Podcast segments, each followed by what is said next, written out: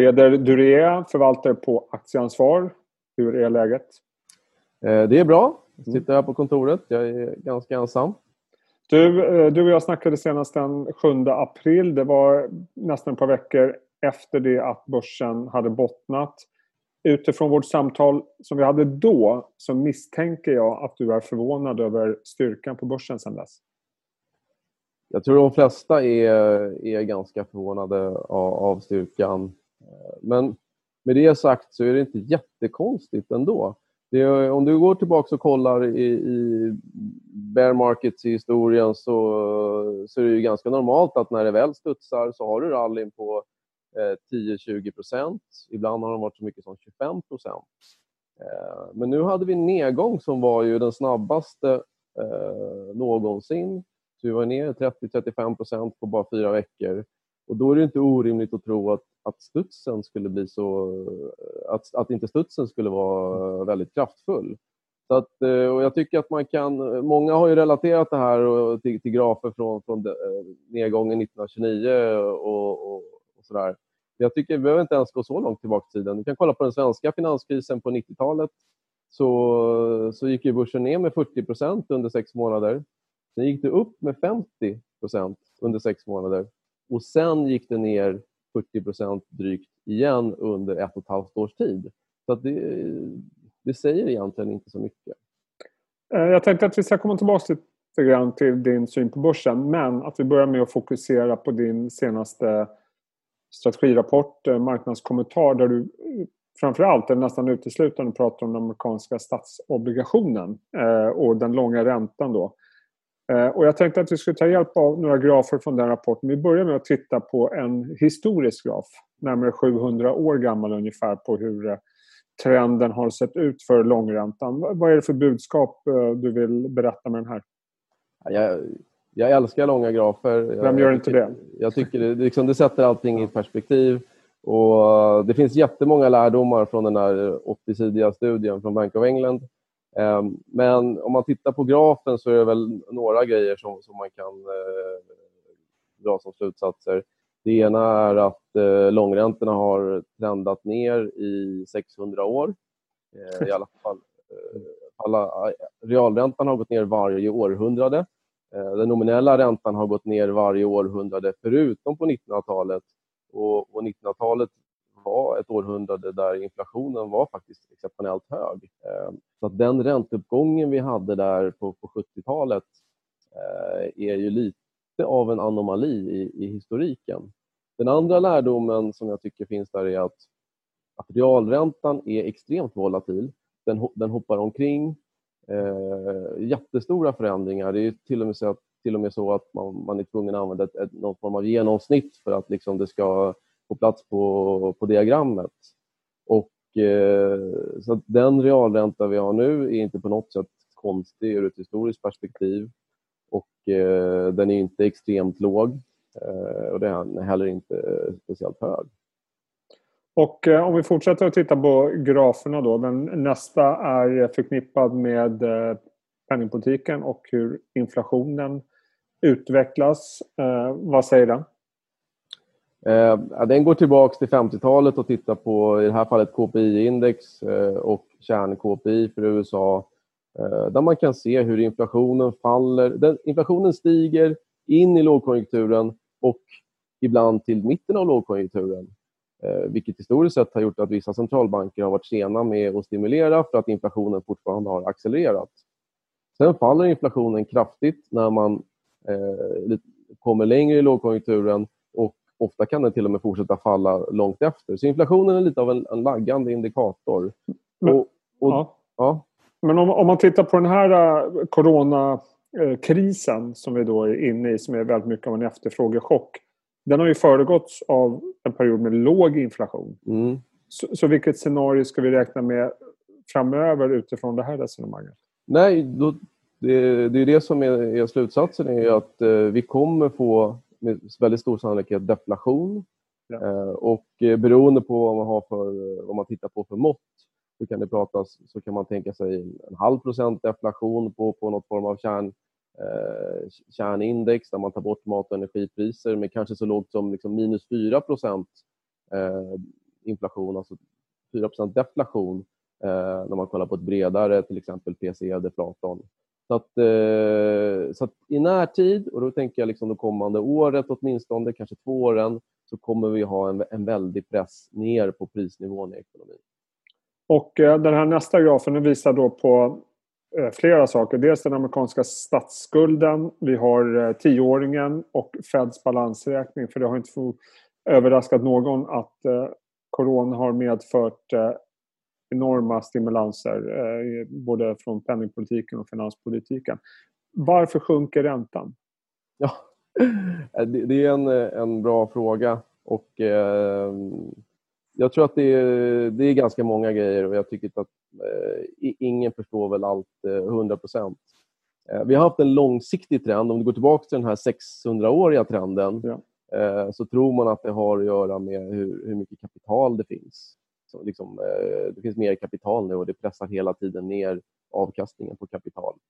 Eh, men tittar du under de liksom sista eh, 20 åren eller kanske längre så har vi haft eh, vi har en demografi som gör att, eh, att arbetskraften växer långsammare. Men sen har vi också haft en, en fallande produktivitetstillväxt. Så det är där som jag tror att de här stimulansåtgärderna kommer in till stor del. Så att vid varje kris så har vi tryckt massa pengar och vi har haft jättelåga räntor och, och vi har haft stora budgetunderskott. Och de här pengarna, de zombifierar ekonomin. Så att vi, vi undviker ett väldigt negativt scenario just då, en depression om vi går tillbaka till, till, till finanskrisen 2008. Men vi betalar för det med att vi hela tiden på längre sikt sänker produktivitetstillväxten. Och så som det fungerar så, så kan man tänka sig att vi, vi har ett, ett visst antal idéer. Människan, vi kommer fram till, säg att det är 20 eller 30 procent av, av alla idéer på företag som, som, man kommer, som man kommer på är produktiva. Och när vi hela tiden bibehåller andra delar av ekonomin och, och finansierar dem när de egentligen borde eh, gå omkull och försvinna, så blir de en större och större och större och större del av kakan. Och till slut så är den här idéskapande och produktivitetsdrivande delen den blir så liten att, att tillväxten nästan försvinner och därmed så, så får vi sen välstånd. Samtidigt så, ja, ja, det låter jättehärligt. Om man tittar på prisutvecklingen då, för penningmängden har ju ökat hela tiden, inte minst senaste tiden ser det ut som. Eh, vad kommer det få för effekt på just eh, prisutvecklingen? Jag tror väldigt lite på, eh, i det kortare perspektivet. Eh, det handlar, om, det handlar inte bara om hur mycket pengar som skapas utan det är också hur de här pengarna kommer ut i systemet, i ekonomin. då brukar man prata om omloppshastigheten och penningmultiplikatorn och sådana saker.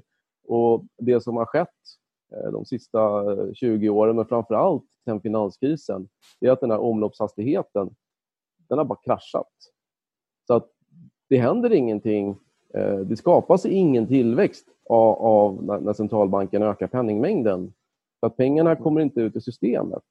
Och, det där är ett väldigt komplicerat eh, ämne skulle jag säga. Men, men utan det hamnar som bankreserver och det gör inte så mycket. Jag tror inte ens att det, gör, alltså det har så stor effekt på tillgångspriserna som alla andra tror. Så eh, vad, vad, menar du? Menar du att det här kommer egentligen inte få någon större effekt på den reala ekonomin? Och hur skulle det då påverka avkastningen på statsobligationer? Eh, ja, det, om du, det viktigaste för statsobligationen är ju, är ju, hur inflationen kommer att utvecklas. Så att om man ja. trycker pengar nu och det inte skapar inflation, vilket är det jag säger, så, mm. så är det ju inte ett negativt scenario för statsobligationen nödvändigtvis. Men effekten på reala ekonomin är begränsad? Eller? Den är väldigt begränsad. Ja. Och, och liksom man måste göra någonting annat. Om man bara fortsätter enligt samma linje så får det mindre och mindre effekt varje gång. Man brukar säga att marginalnyttan är avtag kraftigt avtagande på de här stimulanspaketen. Men om vi tittar på just eh, avkastning. Du har en väldigt teoretisk graf som visar eh, på eh, möjlig avkastning på den långa räntan. Den får du förklara. Ja, det är mitt sätt att liksom få in eh, allting på, i ett och samma diagram. Eh, men vad du har här är, är ettårsavkastningen. Så man antar att en investerare köper den amerikanska 30-åringen eh, idag eller den 28 maj, men vi kan ta idag för att ränt, räntenivån är tillbaka på ungefär samma. Eh, och, eh, och sen tittar man ett år framåt och man, man håller den positionen. Vad får man för avkastning givet var långräntan då befinner sig i, i periodens slut? Eh, och då ser man att eh, ett, att det här begreppet som, som kallas för konvexitet, att avkastningen, alltså uppsidan, är alltid mycket större på en, på en vanlig obligation än vad nedsidan är. Eh, eh man ser också att jag har eh, skuggat eh, delar av diagrammet längst ute på eh, högersidan. Och det är för att jag tror att man kommer sätta ett tak på långräntorna när vi väl kommer ur det här. Och Det är någonting som Fed pratar om jättemycket. Man pratade senast om det igår. Eh, för att man är livrädd för att, de här, att långräntorna skulle sticka upp och, och vad det skulle få för konsekvenser på, på ekonomin och på statsfinanser och allt sånt.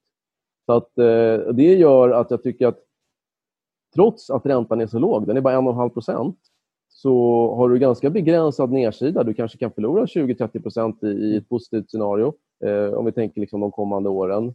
Eh, men om det utvecklas åt det negativa hållet eh, och, och vi inte, det inte blir en V-formad återhämtning och Fed kanske till och med tvingas in i negativa ränteträsket så, så är uppsidan faktiskt den är enormt stor fortfarande. Och eh, avslutningsvis på det här ämnet... Förlåt, förlåt jag lägger till en grej. Ja. Men, men, med det sagt så i min, den positionen som SAC som aktiv har, den är mindre nu än vad den var för bara några okay. månader sedan. Så, att, så att jag, är, jag är inte helt oresonlig. Men... Vad skönt. Ja. Men du, eh, vi måste... Eh, just den här eh, delen. För ett år sedan ungefär, knappt, så pratade alla om den inverterade avkastningskurvan och att den förutspådde recession. Nu är vi i en recession, men kanske av andra skäl än vad vi förutspådde för knappt ett år sedan. Vad säger avkastningskurvan oss nu? Den säger att vi kommer, få, kommer ha en väldigt låg tillväxt på säg 18 månaders sikt. Och för att i, I min värld så var det så att ekonomin bromsade in under hela 2019. Och eh, min, min bedömning var att vi ändå skulle få en lågkonjunktur eh, det här året. Sen kom coronan och kanske gjorde att den kom lite tidigare. Den blev djupare och bredare, eh, möjligtvis kortare, men, men eh, den spädde på det. Så att, eh, jag tror att kurvan hade fått rätt ändå. Den andra grejen jag skulle vilja eh, trycka på är att eh, det, det beskrivs ofta i media som att, att avkastningskurvan är helt meningslös, ingen bryr sig om den och sen helt plötsligt så blir den negativ och, och då kommer en massa tidningsartiklar om att nu är den negativ eh, och eh, då ska alla kommentatorer ut i, i, i media och säga varför den här gången kommer vara annorlunda. Så har i alla fall varit eh, de sista tre gångerna som det har skett. Mm. Eh, men det, det, som faktiskt avkastningskurvan säger är ju flackare den är, desto lägre blir den framtida tillväxten. I alla fall så har det varit. Den relationen är, är ganska bra. Och det spelar ingen roll om kurvan är minus 10 punkter eller plus 10 punkter. Båda de, eh, den, båda de lutningarna förutspår en, eh, en lågkonjunktur faktiskt. Så det är inte så att den måste gå under noll. Utan blir den bara väldigt, väldigt flack så är det, det den signalen som den sänder. Och eh, nu när vi har pratat om det här extremt optimistiska scenariet som du har målat upp så måste vi ändå avsluta med att fokusera lite grann på börsen eh, låga räntor länge. Powell var ute igår och sa att han inte ens tänker på att höja räntan. Eh, vi har eh, stimulanser från politiker och centralbanker vid minsta lilla oroshärd känns det som. Varför ska man inte äga aktier i en sån miljö? Spelar det någon roll vad värderingarna och makrot säger? Jag tror att det spelar stor roll vad värderingarna är. Eh, just nu så är värderingarna i det beror lite på vad man kollar på för mått. Mm. Eh, jag var mer negativ aktier i, i, februari, men jag är nästan lika negativ nu. För att det har inte hänt så mycket på aktiemarknaden om, om man bara bortser från vad som hände i, mitt emellan. Det som var extremt dyrt då är extremt dyrt nu. Det som var, och såg, skillnaden är det som såg okej okay ut eh, i, i januari, februari i vissa fall ser eh, billigt ut nu. Jag tänker på emerging markets bland annat. Men jag tror att det är, ju, det är långt ifrån säkert att vi ska få en, en, en V-återhämtning. Men ska jag komma ihåg att tar du 20, nedgången 2000, 2000 till 2003, ja, då var ju lågkonjunkturen slut 2001. Börsen fortsatte ner i ett och ett halvt år. Och då var värderingarna ungefär vad de är nu. Ja. Värderingen är väldigt hög, då är ju väldigt mycket optimism inprisad. Men då handlar det om, kommer vi, hur snabbt kommer vi tillbaks till där vi var? Och vi ska komma ihåg att där vi var innan det började gå ner var en väldigt hög värdering. Så att, eh, och, och, och det var höga vinstförväntningar också innan vi gick in i det här. Och, och tittar jag på du la ut en graf på Twitter, osäker mm. på vem skaparen är, som visade just på diskrepansen mellan S&P 500 börs och eh, vinsterna. Och det gapet måste ju stängas på något sätt. Ja, vad säger du? och det, det, det, är jag som har skapat den grafen. Eh, Okej, okay, så hög trovärdighet med andra ord? Ja, absolut. Och det är med data från Bloomberg. Ja. Och, och den här grafen använder de faktiskt rapporterade vinsterna, fast så som mm. företagen själva rapporterar dem. Så att jag skulle säga att de generellt sett är förskönade. Eh, men, men, men ändå. Så det, det, är inte framtida vinster, det är inga prognoser. Okay. Och, och, en grej är att jag tycker att relationen mellan de faktiska vinsterna och börsutvecklingen har varit bättre än när man använde prognoser i den där dataserien. Och, och nu är ju gapet eh, nästan lika stort som det var i toppen på IT-bubblan. Vilket innebär att om, om den, eh, jag kommer inte ihåg vad det är för färg på, på linjen på diagrammet, men om, om börsgrafen ska gå ner till där vinsterna är, ja, då snackar vi runt 21,50 på S&P eh, vilket är en nedsida på 34 procent per i förrgår eller någonting. Nu gick det ner lite. Mm. Eh, och, och du tittar på, ja, det är lite, färg, det är lite skuggade områden i diagrammet så här, och eh, jag tror att det är något som är grönt och där ser man att där är vinsterna över börskurserna. Så då är det ju faktiskt, finns det utrymme för börskurserna att komma i fatt. Ja. Men i de andra tillfällena så är, det tvärtom, att börsen går före. Och eh, i alla tillfällen när det har hänt så har ju linjerna kommit ihop. Eh, och de har kommit ihop av att börsen inte har gått något bra, förutom en gång. Och det var 2017. Eh, och, det, och anledningen till det är skattesänkningarna för företagen skulle jag säga. Som, som drog upp eh, vinsterna och börsen gick i förväg på det, vilket var ja, i efterhand ganska logiskt. Men eh, kan man inte vänta sig att det kommer komma skattesänkningar och alla möjliga mm. stimulanser framöver? Nu? Jättebra fråga. för att det är En sak, förutom liksom pandemin nu och frågan om det kommer tillbaka, blir en andra våg och, och sådär, så har vi en massa annan osäkerhet.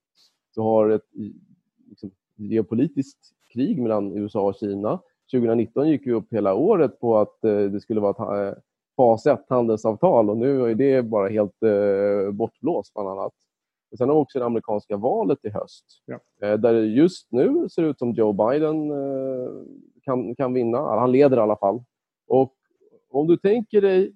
Dels så är det så att om inte ekonomin återhämtar sig jättestarkt nu så kommer det behövas nya stimulanser trots att de här stimulanspaketerna är så stora så behövs, kommer det behövas mer stimulanser. Och då är frågan, kommer Demokraterna att släppa igenom mer stimulanser nu precis innan valet? Det är ett, tycker jag är lite tveksamt. Det andra är att om Joe Biden vinner valet så, eh, och han får med sig eh, Demokraterna i representanthuset eller i kongressen så, så är det troligt att de höjer tillbaka skatterna på företagen. De är ju temporära. de låter dem gå tillbaka.